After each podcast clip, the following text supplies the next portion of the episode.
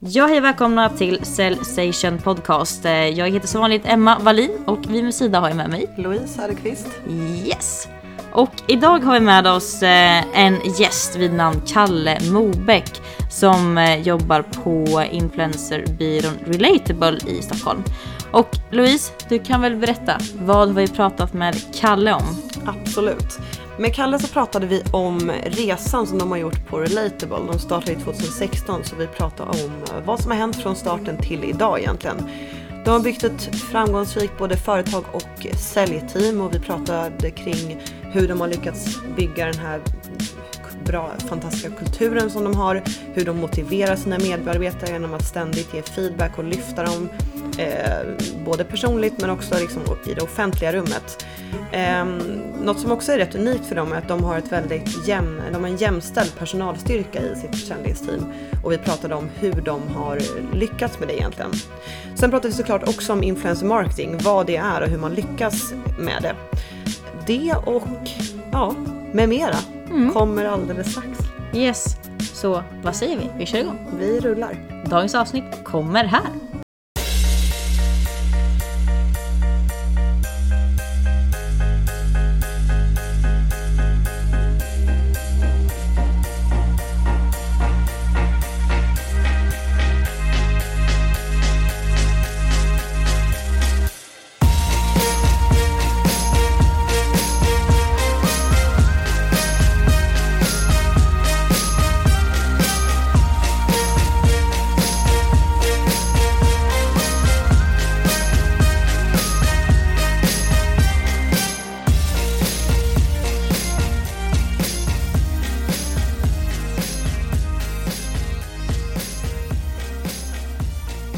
Kalle Mobeck, varmt välkommen.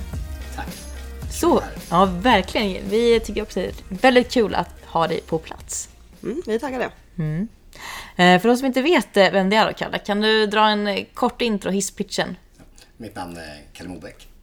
Drivs av utmaningar och tycker det är fantastiskt kul att jobba med ledarskap och de senaste åren har jag fått möjligheten att jobba med marknadsföring och få vara med och förändra marknadsföringsbranschen. Vilket är något som jag verkligen brinner för. Kalle, du är idag General Manager på Relatable eh, som startade 2016. Eh, men vad har hänt på Relatable sedan eh, starten fram till idag? Det har hänt enormt mycket från starten av Relatable till idag. Allt ifrån att det började med att vi hade en liten hemsida som såg ut som att vi var en sushi-restaurang. Och folk som inte vet vad Relatable är så är vi en influencer, en global influencer marketingbyrå. I början så hade vi en bild på som, som det såg ut som att det här är en sushi-restaurang. Här kan man gå och handla sushi. Så i början hade vi, jag var en av de första anställda och i början hade vi en strategi att vi ska vara en hemlig nattklubb. Det låter som en kanske konstig marknadsstrategi. Vi ska inte göra några pressmeddelanden. Vi ska inte synas i dagens media. Vi ska inte göra någonting i Resumé. Men vad vi ska göra, vi ska se till så att vi jobbar med de coolaste eh, och verkligen de varumärkena som vi älskar eh, runt om i världen. Och när vi väl har gjort det, då så ska vi ja, men, prata lite mer om oss själva och vad vi har gjort för någonting. Eh, så vi gick egentligen från att sitta i köket på en av mina kollegors eh, andra företag eh, till att nu ha växt så pass mycket så att vi har tre kontor. Ett, vårt huvudkontor i Stockholm, ett svenskt företag. Eh, Vi har kontor i London, vi har kontor i LA och under den här resan så har vi växt utan riskkapital. Vi har inte ens betalat för aktiebolaget. Utan det är också betalt av en kund. Så jag växt hela tiden, skalat upp med visionen om det inte, inte blir Nordens eller blir Sveriges eh, bästa influencer marketingbyrå utan blir, utan blir den bästa eh, globalt. Eh, det har hänt så himla mycket eh, på den här resan vilket jag tycker har varit så fantastiskt. Vi har haft så många fantastiska kollegor, så många fantastiska människor men som har kunnat göra det möjligt att vi har kunnat växa eh, så pass fort eh, som vi har gjort eh, de senaste åren. så nu satsar vi fullt framåt på New York och om ett år, vad gör vi då? Ingen aning. Ingen aning. Men det ska bli väldigt spännande att se. Varför Mm. Ja, det är häftigt. Det är, väldigt, det är faktiskt väldigt få idag som, som lyckas växa så pass snabbt och också helt eh, organiskt. Vad är nycklarna? Jag tror nyckeln är att vara väldigt fokuserad på, kanske från dag ett, om man går tillbaka och kollar på, men hur tjänar vi pengar? Det här är ändå ett företag. Hur kan vi faktiskt se till att betala hyran och alla löner och sätta också, att delvis ha liksom en fungerande men, affärsmodell. Också och ha väldigt högt ställda mål och krav. Jag tror att man också benägen att klara av mycket mer än vad man tror om man sätter väldigt höga mål. Men och även fast man har höga mål så måste man hela tiden se till att ha kul, se till att uppskatta alla eh, som är med och kämpar på den här resan. Även se till att bara koppla bort, även om det blir enormt mycket fokus på eh, jag tror man måste vara väldigt så här målfokuserad. Jag har jobbat på, det här är andra företag som jag jobbar på som inte har något riskkapital. Jag jobbade på Notified innan. Då satt vi också i ett jättelitet rum i början. Vi hade inte ens iPhone. Så bara, va? När var det?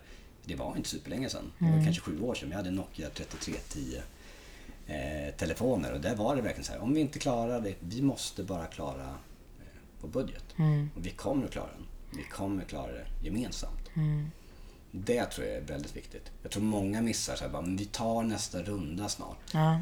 Eh, nackdelen med det är att då får man inte själv bestämma över företaget. Man kanske inte kan få den här företagskulturen som man vill ha. Produkten kanske inte kommer gå i den riktningen som Nej. du ville från början.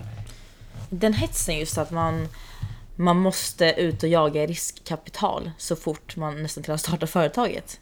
Eller är det bara min syn? Det känns som att det är en generell liksom, mentalitet i, i alla fall Stockholm där, där vi eh, är verksamma. Att man hör så mycket att ja, nice nu fick vi den här rundan, nu ska vi vidare på nästa. Att det är någon stolt i dig att jaga riskkapital. Men det tror jag absolut det har varit. Sen tror jag att det också är väldigt lätt nu att hitta riskkapital för delvis det är ganska dyrt på börsen. Det kanske är bättre att man chansar och investerar lite här och där i olika startups. Och flyger något av dem så kommer det, vara, kommer det bli fantastiskt. Ja. Tänk om man istället då bara, men vi ska inte ut och jaga något kapital. Vi ska istället vi ska ta fram den här produkten. Mm. vet kanske inte riktigt vad vi kommer prisa. Man kanske har den här produkten nu. Man sitter där, liksom, man är ett litet team på fyra, fem personer. Vi har den här produkten nu. Fan, vi testar att gå ut. Vi går ut och pitchar, går på massa möten. Vi kollar lite så här. Men vad kan folk tänka sig betala för den här produkten? Eh, det var någonting jag gjorde bland annat när jag jobbade på Team Taylor. Eh, vi var med i starten där. När vi satt i början var det så här bara, men vad kan folk tänka sig betala? Så vi var ute och kollade bara. Och så fick vi också vi fick enormt mycket feedback. Och det tror jag många missade. Vi frågade liksom, vad skulle du vilja se i produkten? Saknar vi någonting? Men det var ofta så ah, men ni måste ha det här och det här. Om man hade kunnat länka in så man kan se vart alla ansökningar kommer ifrån så hade det varit fantastiskt. Det finns nu. Om man hade kunnat få in den här, då var det lagen om personuppgifter. Det hade inte vi med. Vi visste inte om det. Bara shit, det måste vi lägga in. Eh, om man hade kunnat flytta dem mellan olika team så man ser vem som är anställd till det här teamet. Och sen tror jag det gäller, gäller där att hitta liksom de kunderna som faktiskt kan tänka sig vara med och utveckla det här. Nu kommer jag inte ihåg vad hon heter men jag kommer ihåg Cybercom när jag var på Team det var en av de första kunderna. Och de bara, men det här och det här skulle jag se. Jag är jättegärna med på er resa. Sen kommer vi stå här om två år på en stor HR-konferens kommer jag säga, jag var först med det här, vi uppnådde det här ihop. Hitta de personerna, lite som när man ska sälja eller marknadsföra en produkt ska man hitta dem som så här innovators pratar man om. De finns även ute på företagen.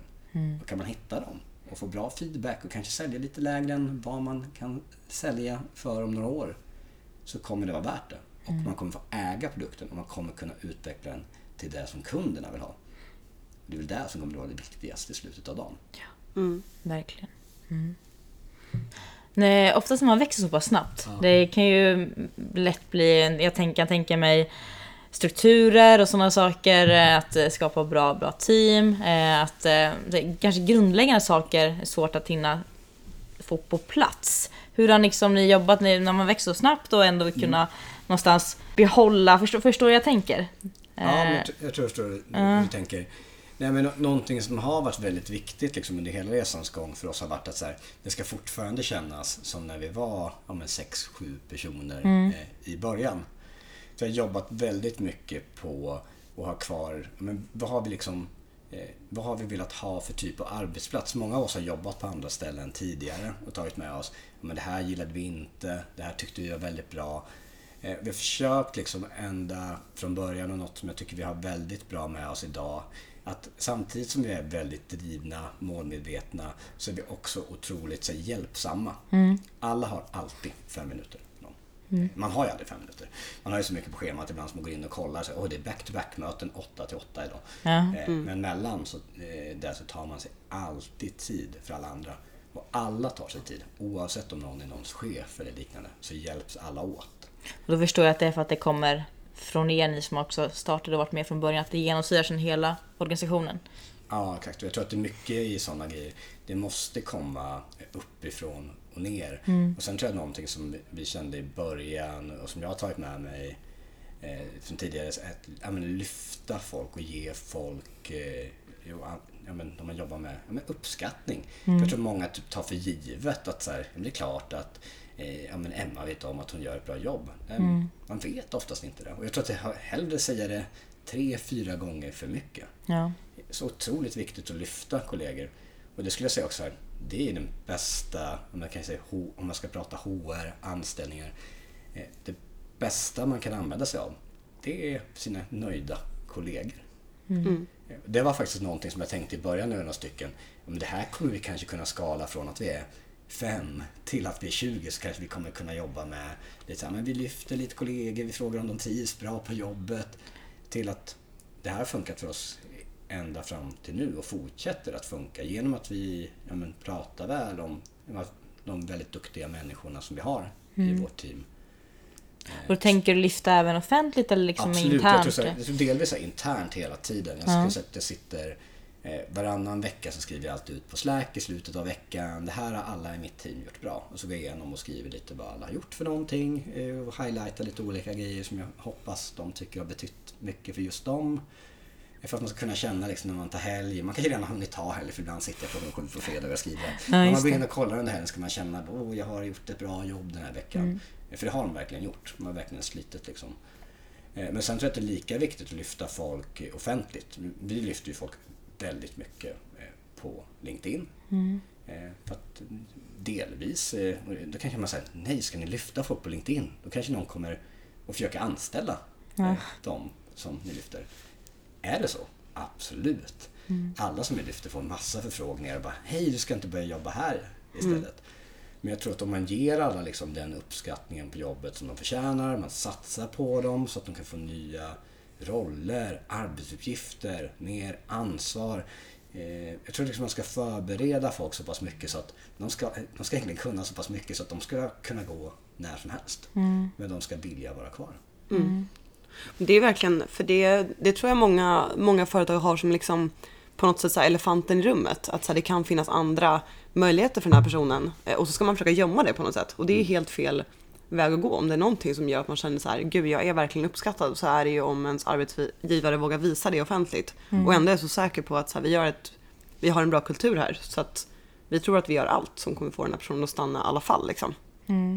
Sen tror jag också det är viktigt att man just eh, har det för, ehm, jag tänker mycket inom den yngre generationen, här karriärsstressen och att man ska framåt snabbt. Och då är det ännu viktigare att man dels lyfter och uppskattar för att också hålla motivationen uppe, men också att man kan lyckas skapa någon typ av långsiktig plan för en individ. Exakt, och det tror jag är väldigt viktigt. Jag tror att det är en sån sak som man också kan missa. Vi kör till exempel, vi har månadssamtal med alla varje månad. Det, en, det tar en halvtimme till en timme per person. Det från att säga i början, "Ja, det här är helt okej, det tar en halvtimme när, man, när det är en person i teamet. Till att helt plötsligt, och det här tar en till en och en halv eh, dagar. Ja. Men det är värt det så pass mycket. För jag skulle säga speciellt som ni säger, när man tittar på väldigt många unga personer idag.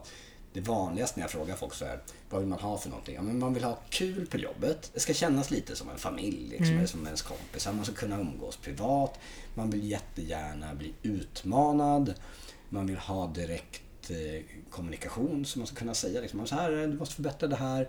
Och det hör ihop med sista delen som jag tror att, jag tror inte jag, jag har hört det här varenda gång jag intervjuat någon de senaste tio åren. Jag vill utvecklas. Nej. Och då får man ganska snabbt sätta sig ner. Ja, men hur vill du utvecklas? Och så att de flesta vet inte. Nej, exakt. Men då får man börja sig sätta sig med det ihop och så man börja prata om och jag tror det handlar mycket om att prata om kanske utveckling i sin helhet. Många tänker så här, men om ett halvår, då kan du bli Key Account Manager. Det är inte utveckling. Nej. Eller så här, jo, du kan utvecklas till en ny roll. Du kommer säkert växa jättemycket i den rollen. Men det är inte det som är det viktigaste. Folk vill finslipa både sig själva i sin arbetsroll, men som människor. Mm. Eh, Det är det man måste försöka lista ut, speciellt i början. Gräva verkligen på djupet vad man genuint triggas utav och vad man vill utvecklas inom. Mm. Det där kan vara svårt kan jag tycka.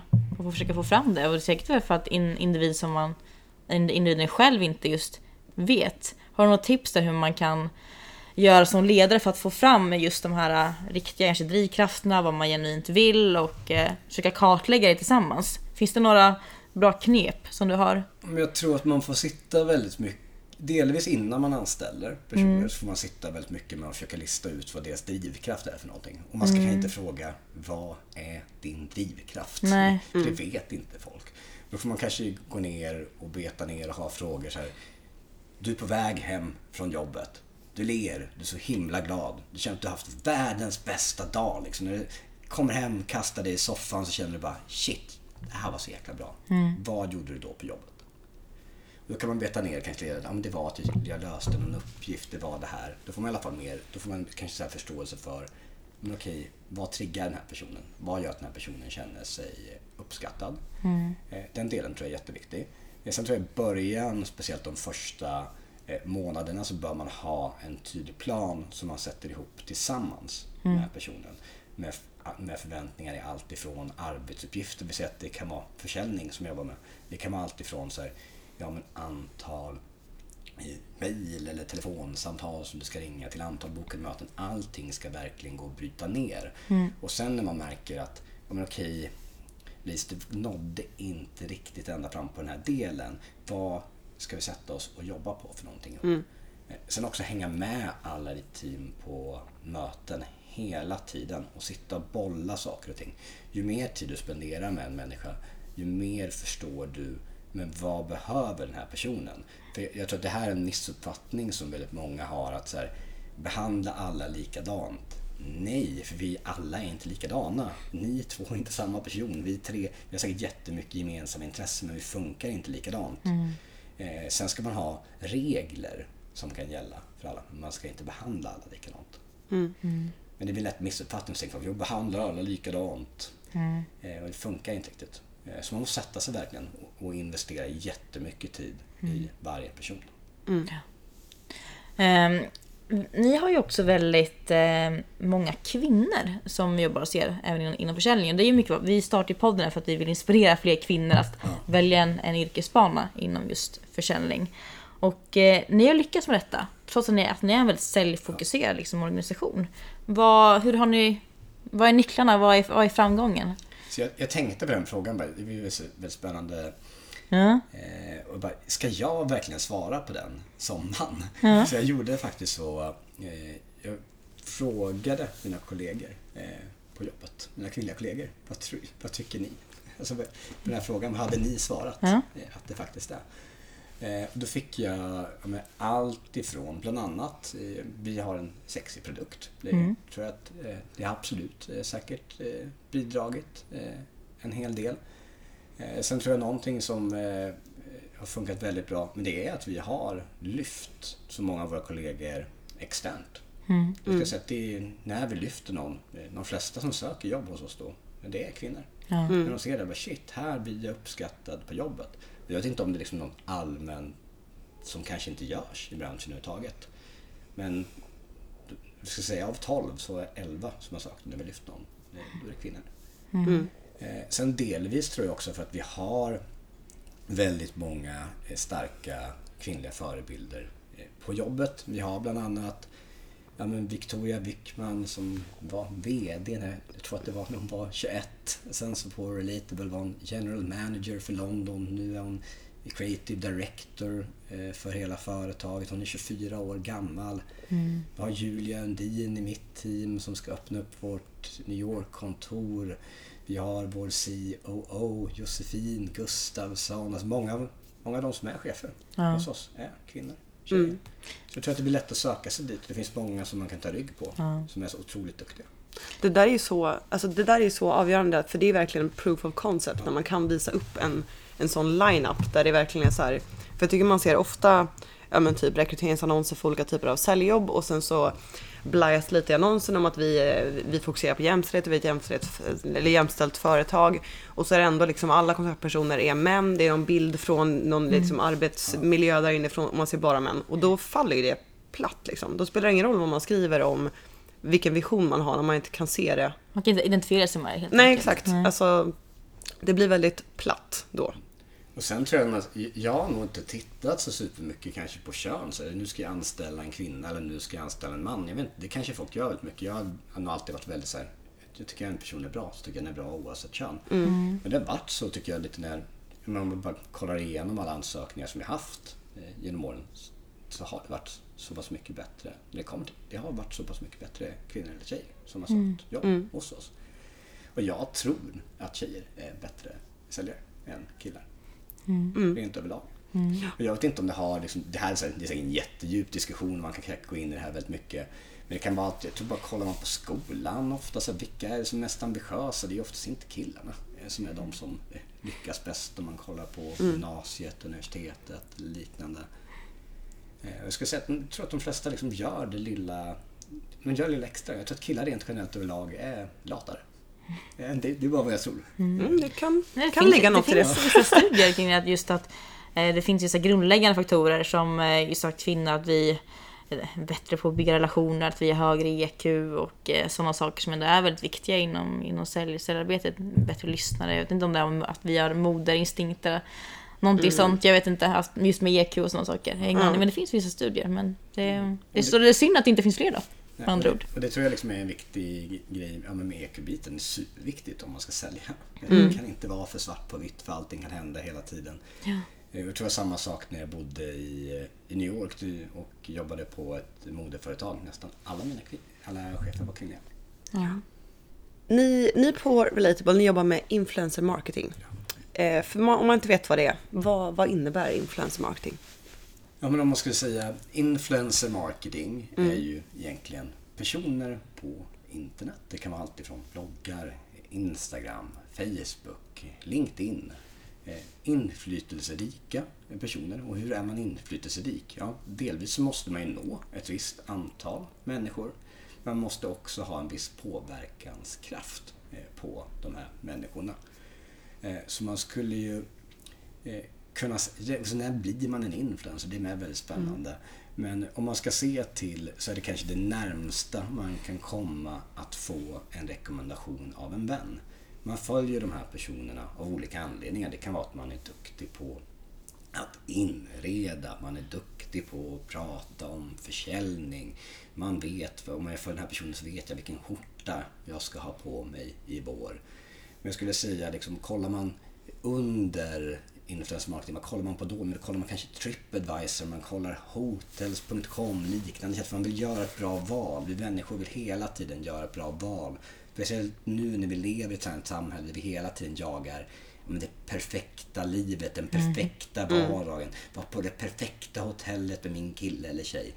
Eh, och eh, man vill vara helt säker på om man har gjort rätt val. Och där näst högst upp eh, så har vi influencer marketing. Jag tror ännu högre upp, där har vi våra vänner. Säger några vänner, gå till Aventura. Det är en fantastisk restaurang. Sen kombinerat med att du ser det av att den här personen som du följer på Instagram också har gått till Aventura. Då kommer du kanske gå dit. Just det. Och det är ju någonting som verkligen boomat de, de senaste åren, men det känns inte så många som har anammat det ännu i Sverige. Eller? Det känns som att det fortfarande finns mycket att jobba med fortfarande. Absolut, jag tror fortfarande det finns jättemycket att, att jobba med.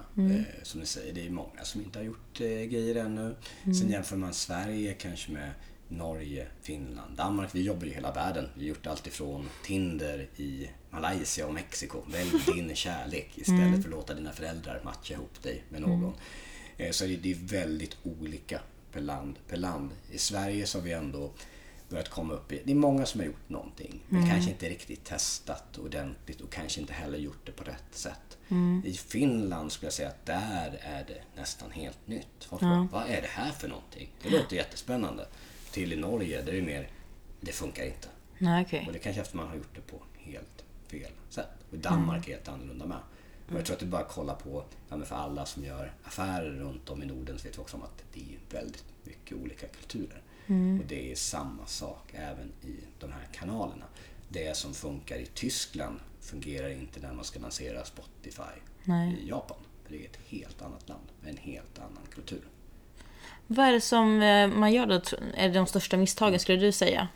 De största misstagen tror jag är att man kollar liksom, men ni kollar på mig nu alla poddlyssnare. Eh, rakat hår, glasögon, t-shirt, svarta byxor och blåa skor. Ja men då måste alla hans följare måste se ut som honom. De kanske med gillar t-shirtar och kollar på film. Eh, det är lite där man tror att följarna är en klon av personen.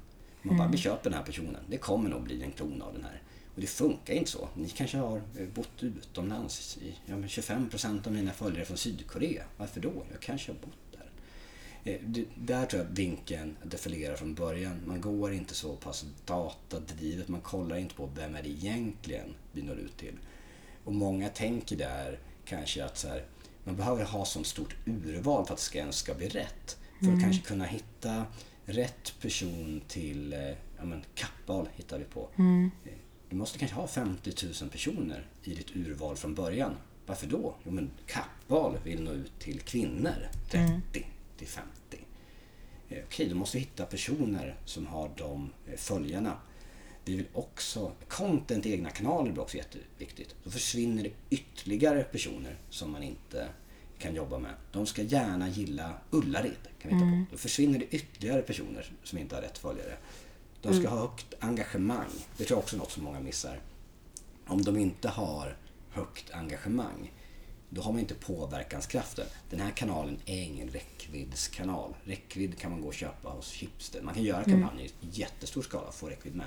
Men om man inte får engagemanget, då kommer inte du bli påverkad. För vi vill ju jobba med personer som faktiskt får dig att köpa den där tröjan, gå till den där restaurangen, ladda ner den där appen. Eh, jätteviktigt. Eh, Rätt land också. Jag har sett kampanjer när folk tror att de har gjort en kampanj i Sverige. Men det visar sig att den var i Brasilien. Så sitter kanske någon på samma företag och bara, "Wey, i Brasilien bara, det går väldigt bra nu. Vi slänger in ännu mer pengar på utomhusreklam. Fast det egentligen var att någon i Sverige råkar göra kampanjen i fel land. Okej. Eh, Och sen tror jag också tillbaka till, man kanske tvingar sig på samarbeten med personer som faktiskt inte vill jobba med. Ja. Och jag, jag, tycker, jag tror att vem som helst kan se att ah, det där vill han slash hon inte göra egentligen. Han fick betalt. Just Mm, det. att det lyser igenom. Ja, det, det lyser rakt igenom om det inte är äkta. Och det där tror jag att de, det måste vara en match. Företaget måste fråga dig. Ja men hej, vill du hänga med ut på en dejt? Ja men jag vill jättegärna. Jag vill, men det är som att fråga chans. Jag vill fråga chans på dig. Ja bra, ja tack. Säger mm. personen nej, ja men du får mer pengar. Det kommer aldrig lösa problemet, det kommer aldrig bli bra. Nej, det blir ingen trovärdighet i blir det. ingen trovärdighet. Nej. Är det det det här är- den nya lite mic- micro-influencers kommer till? Att det är liksom folk i mindre skara har förstått det som att det funkar. Att det är liksom inte det här mass, alltså att man inte, att det ska, personer ska inte ha 100 000 följare utan det är liksom en mindre skara, en mindre typ av målgrupp för att det ska bli en ökad trovärdighet. Ibland, jag ska säga ja, ibland och ibland nej. Eh, Det finns olika syften med olika personer som man jobbar med. Och sen finns det också, du kanske inte vill köpa reklam eh, med någon som har gjort- gör för många samarbeten. Exakt. Men finns det någon som har 500 000 följare som kommer vara helt eh, den perfekta personen för just det här företaget? Eh, Ja, det kommer då finnas med. Sen så måste man jobba också i olika tiers. Så till exempel kanske man ska etablera sig på en ny marknad. Vad behöver man då? Ja, men då behöver man kanske oftast trust. Om du jobbar med en riktigt stor person då är ju fördelen med det att du kan ju piggybacka på den personens varumärke för du har inget varumärke. Så du jobbar med den för att bygga ditt varumärke. Sen när du ska ner och konvertera, då kanske du vill jobba med de som du pratade om, om du ska kalla dem mikro, eller de som inte har lika många följare, de kanske har 30 000 eller 50 000. Där finns det kanske en större trovärdighet. De oftast, och jag skulle säga att det, om man ska prata det här som du sa med trovärdighet, så är det till att engagemangsnivån, ju större du blir, eh, ju lägre engagemang har du. Förekommer det, alltså eftersom att du, du nämnde att man kanske inte vill jobba med personer som gör liksom 100 samarbeten per månad och som bara skjuter. Alltså gör man sådana restriktioner liksom i, i kontrakt man skriver? Att så här, det här samarbetet, då vill vi inte att du samarbetar med XYZ som är våra konkurrenter. Alltså finns det sådana? Eller liksom, Ja, jag förstår menar. Jag tror inte det är så vanligt i branschen. Men Nej. det är någonting som vi absolut har jobbat jättemycket med. Också även i screeningen utöver att vi alltid matchar ihop företag som har en viss data med influencers som har samma följare som företaget. Så kollar vi också, vi har ett helt team som bara kollar på, är det här, har den här personen, ja men bildspråket matchar inte. Sen kan nästa år bara, nej men de har ju jobbat med alla konkurrerande ja, men gymföretag till exempel. Det, kom, det kan ju inte vara bra nu om de kör sats. Det här kommer ju aldrig fungera. nej precis. Nej, för jag tänker om typ så här, om typ eh, Uniqlo som exempel ska göra ett stort samarbete med eh, någon eh, influencer. Så vill man ju, om Uniqlo då ska gå in med och så satsa mycket på det här, satsa mycket pengar. Så vill man ju inte att de ska upp, upptäcka sen om två dagar att så här, okej, hon, eller, hon eller han är också på något sätt kopplad med H&M och lika, eller förstår du vad jag menar? Jag förstår vad du menar. Jag vill säga att i, om man bortser från just det exemplet, kläder, skulle jag säga, där kan man inte Där ha kan man inte. För Kolla så här, om, ni, om man kollar på vad brukar en person ha på sig för någonting? Har man bara på sig kläder från ett enda varumärke? Nej, det är väldigt konstigt man bara, jag har bara på mig peak performance-kläder. Alltid, dygnet runt. Det skulle inte heller bli trovärdigt, det skulle bli otrovärdigt. Men däremot kanske, ja men Spotify, ja, du får inte ha någon annan streamingtjänst. Nej. Det skulle bli jättekonstigt. Eller så Sonos. Ja, men du får bara ha Sonos-högtalare. Du får inte jobba med Marshall till exempel. Mm, jag Jag tror att det beror på vilken produkt. Eller samma sak som, ja men jobbar du med Chromebook, ja, men då kan du inte göra reklam för Macbook. Nej. Eh, Men just kläder skulle jag säga är undantaget. För Ja. där blir det inte trovärdigt om man bara har kläder från ett enda ställe. Nej. Men du kan ha med till exempel att ja, men då får du inte jobba med, du får inte göra ett betalt samarbete med H&M på två veckor. Mm. Eh, Men det som det kan leda till är att men shit, då kan inte jag tjäna pengar på två veckor. Mm. Så då kan du behöva betala för det. Precis, att då kommer en kostnad med Ja. den restriktionen. Ja, Och det är ju helt förståeligt för det är ju ett missat arbetstillfälle för den personen. Den hade ju kunnat sälja reklam. Ja, Nej, men då sätter man ju på något sätt en influencer i karantän lite. I två, alltså, det förstår man ju att de vill ha kompensation för. Ja. Eller vad man ska säga. Ja, nej, intressant. Så det beror liksom, liksom lite på eh, produkten egentligen. Eller ja, hur, hur, hur otrogen man får vara. eller Ja, man ska både säga. Mm. produkten, företag, men jag tror att det här är någonting som kommer bli ja, men, viktigare och viktigare. Något som vi Mm. har märkt från början. Det här pratar man inte alls om. Man pratar inte om att folk gjorde för mycket samarbeten. Mm. För några år sedan, det var inte lika mycket samarbeten. Och jag tror att vi bara så här, vi kanske har börjat glömma bort det allt mer och mer. Men Om vi går in och bara kollar Instagram och inte kollar, pratar bara om Instagram som plattform i sin helhet. Var fjärde till femte meddelande är ju reklam på posterna. I väldigt mycket. Eh, Så mycket har det aldrig varit innan. Allt, det har ju bara ökat hela tiden. Eh, Däremot tycker jag något som är väldigt spännande just i den här kanalen är att jag skulle säga att engagemanget har inte minskat. Utan det är fortfarande väldigt många som faktiskt får bättre engagemang när de gör sponsrade samarbeten än vad de har i snitt organiskt. Och då tänker ni kanske, hur kan de ha det? Det låter ju helt sjukt. Men vi säger till exempel om du är, du, är en, du älskar Lindex. Det är ditt favoritvarumärke. Dina följare älskar Lindex. De vet om att du älskar Lindex. När du sen blir sponsrad av Lindex, vad händer då? De blir jätteglada för att du är sponsrad av deras och ditt favoritvarumärke. Men det att typ gå tillbaka igen till trovärdigheten. Hade du då blivit sponsrad av blåkläder, du brukar aldrig ha på dig blåställ, den ska helt plötsligt stå i ett blåställ. Det kommer inte bli bra. Brukar du alltid ha en rosa kopp som du håller upp i alla dina bilder, då måste du göra det även i det sponsrade samarbetet. Jag tror att många tänker men det kan vara disruptivt, vi ska avbryta alla hur de tänker. Ja, men man får aldrig göra det på ett negativt sätt. För det blir lite som när det ploppar upp en så här banner när man ska gå in och läsa på någon nyhetssida. Den tar över hela skärmen. Man får ju panik. Bara, stäng ner, stäng ner, stäng ner. Och där vill du inte hamna i den här kanalen. För då kan du lika gärna köpa banners. Som är så pass mycket billigare. Mm, precis. Vad, hur kan man kravställa då som företag? För att vissa kanske får, får de freebasea just influencern, får de freebasea hur de ska göra själva kampanjer eller gör man det, man kommer fram till det tillsammans eller? Man måste kravställa enormt mycket. Ja. Man måste kravställa väldigt mycket. Samtidigt som man inte tar för mycket på den kreativa friheten. Ja. Och det där är en balansgång och det är någonting som jag jobbat upp under de tre senaste åren och nu har vi verkligen hittat ja, men, den perfekta formulan för hur kan man behålla den kreativa friheten samtidigt som man faktiskt kan få ut det budskapet som den som är marknadschef Ja. vill ha ut. Det kan ju vara svårt, man vet ju inte på förhand exakt hur det kommer gå. Alltså om det är till exempel ett första samarbete med en ny person, Ja. tänker jag. Och vad händer då om det blir misslyckat? Hur liksom, eh, vad... Det- Man, eh, Det är dumma frågor, men jag, jag är helt eh, ny på detta. nej, man kan ju göra åtgärder för att det inte ska bli dåligt. Mm. Eh, Man kanske inte ska låta folk posta utan att man har kollat materialet innan. Det är bara en ganska basic grej. Men den tror jag inte de flesta gör. Nej. Och kollar du inte på contentet, kollar du att den upplevde inte allt som vi hade på den, det du får göra. Det var inte med. Okej, gör om. Det som var på vår no-lista, det var också med. Gör om. Så sånt måste man ha. Man måste jobba med gästlistor, no-listor. Du kan göra på det här sättet, men du ska göra på det här sättet. Men du måste följa Ja, de vissa. här guidelinesen. Ja. Och då kommer det bli jättebra. Ja. Så tydlig, tydlig kravställning innan, tydliga förväntningar Tydliga briefer, Ja. jätteviktigt. Ja. Och tydligt det här, och också det här kommer du få utöver pengar. Mm. ska du göra det? Vissa som jobbar med de största, ja men de är miljonärer. Ja. Varför ska jag göra det här för? Du kan välja exakt Mm. vad som helst. Just det. Och sen så kanske det är lättare när det är Klarna eh, än om det är Otinens potatisgratäng. Det, det här kanske också är en dum fråga, men lite inne på det som Emma ställde innan. Men vi kör på lite dumma frågor för vi har, vi har inte så koll på det här ämnet. Det finns dumma frågor. Det är dumma frågor. Bra, men då, då kör jag. Men så här, om vi säger att eh, samarbetet i fråga, det rör eh, influencerna på att de typ har rabattkod. Ja. Och så kollar man upp i efterhand att så här, hur många använder sig av den här rabattkoden och hur mycket genererar det i slutändan till företaget.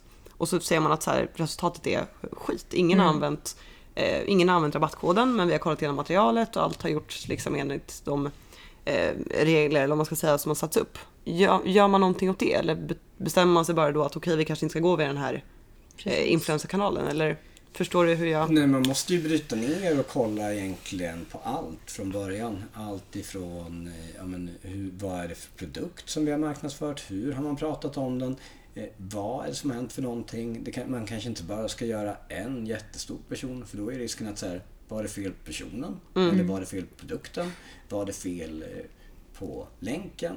Var det så att ja, men det visade sig att 3000 faktiskt gick in på sidan och hälften av dem la det i varukorgen men ingen checkade ur. Vad har hänt då? Ja, någonting? Man måste verkligen försöka bryta ner alla parametrar. Och jag tror att i den här kanalen så måste man risksprida väldigt mycket.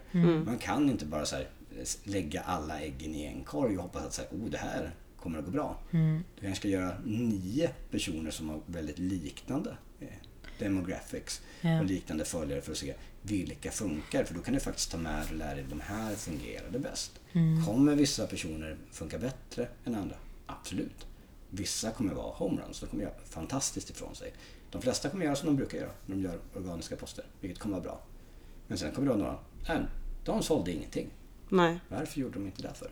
Så egentligen liksom samma typ av alltså win-loss-analyser som man gör i all försäljning gör man också i de här fallen egentligen. Alltså, Ja, absolut, sen kan man Ja. sitta och räkna också. Om man jobbar med performance marketing kan man sitta och räkna innan. Vad tror vi liksom? Kommer en appinstallation kunna kosta så här mycket? Och vi har kunder som gör allt ifrån Ja, men en appinstallation ska kosta så här mycket till att Nej, men nu ska vi lansera eh, Get Smooth som koncept. Då får man ju mäta olika grejer. En appinstallation, då ser man ju efteråt, kostade den så här mycket?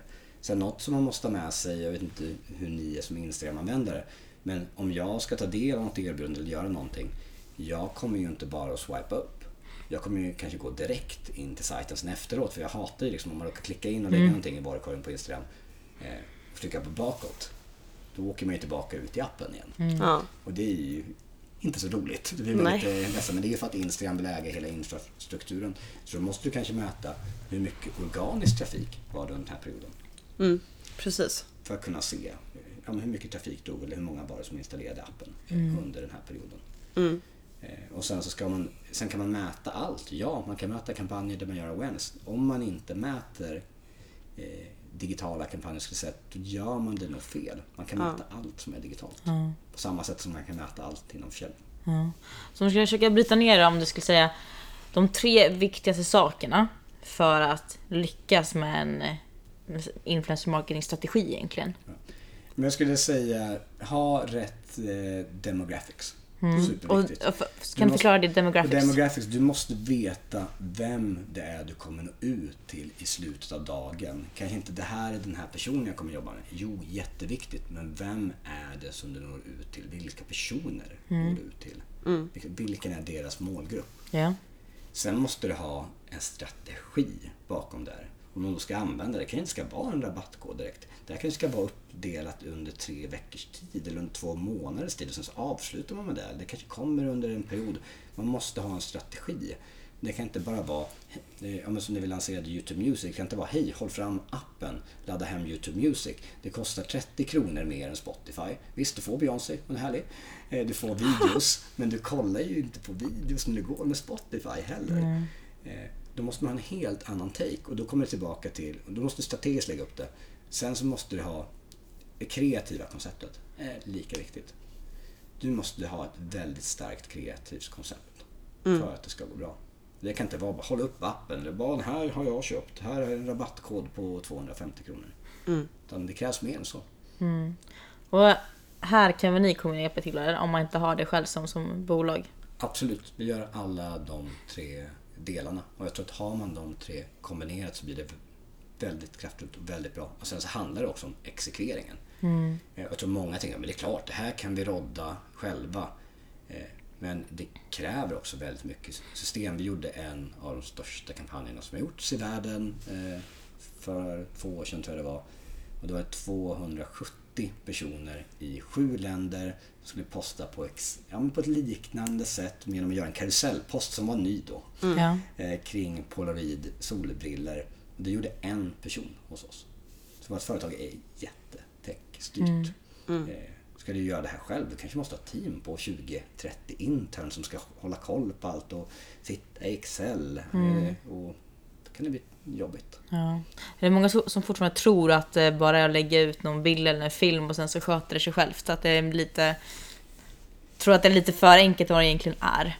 Just när det kommer till att skapa bra kampanjer. Jag tror tyvärr inte det längre. Jag tror att många har varit med liksom, och gjort, många har gjort dåliga kampanjer. Ja. Så de flesta snarare bränt sig. Känt, fan, som du säger, men det gav ingenting. Nej. Och så vet de inte heller varför det inte gav någonting. Så någonting som är lika viktigt i rapportering. Vad gav kampanjen? Hur funkar det? Måste du kolla både på kvalitativ, ja, kvalitativ data och kvantitativ data. Kollar du på bägge de delarna tillsammans, då kan du faktiskt få fram insikter. Du kan inte bara kolla på, och då 5,4% i engagemang. Ja, vadå? Vad var engagemanget? Ja, det handlade tyvärr om soffan och inte om din blåa tröja. Eh, då har man ju misslyckats Ja. i kommunikationen. Då kan man inte säga att 5,4% var bra. Så man måste mäta både kvalitativt och kvantitativt. Och sen dra, med sig, dra insekter, slutsatser. Jätteviktigt. Know your numbers. Ja, exakt. Återigen, know your numbers. Mm. Jag är lite nyfiken på hur det ser ut på fronten inom eh, B2B, hur man kan använda sig där utav influencer marketing. Vad ser du? För det är någonting man har börjat prata om, lite så här trendspaningar. Att eh, det kommer bli mer och mer vanligare även inom B2B att använda sig utav detta. Vad, vad ser du för trender där och vad spaningar? Hur kommer det utveckla sig framöver? Mm. Det, det är någonting eh, som vi ändå har gjort med produkter som har varit business to business. Sen tror jag att det handlar helt om vad är det för typ av business to business produkter som man ska sälja. Ska man sälja kanske kärnkraft så kommer det här kanske aldrig vara eh, rätt kanal. Eh, men det är någonting som vi börjar se allt mer och mer och det beror lite på syftet. Det finns till exempel vissa business to business produkter som till exempel ja, men Photoshop egentligen. Vem är det som köper det?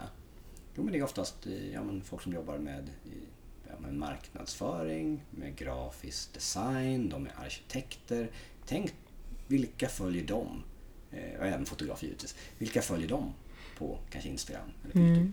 De följer ju givetvis sådana som är duktiga på att ta bilder eller redigera bilder. Så kan du helt plötsligt om du kan, eh, vi kan bland annat se vad folk har för yrken som följer en person.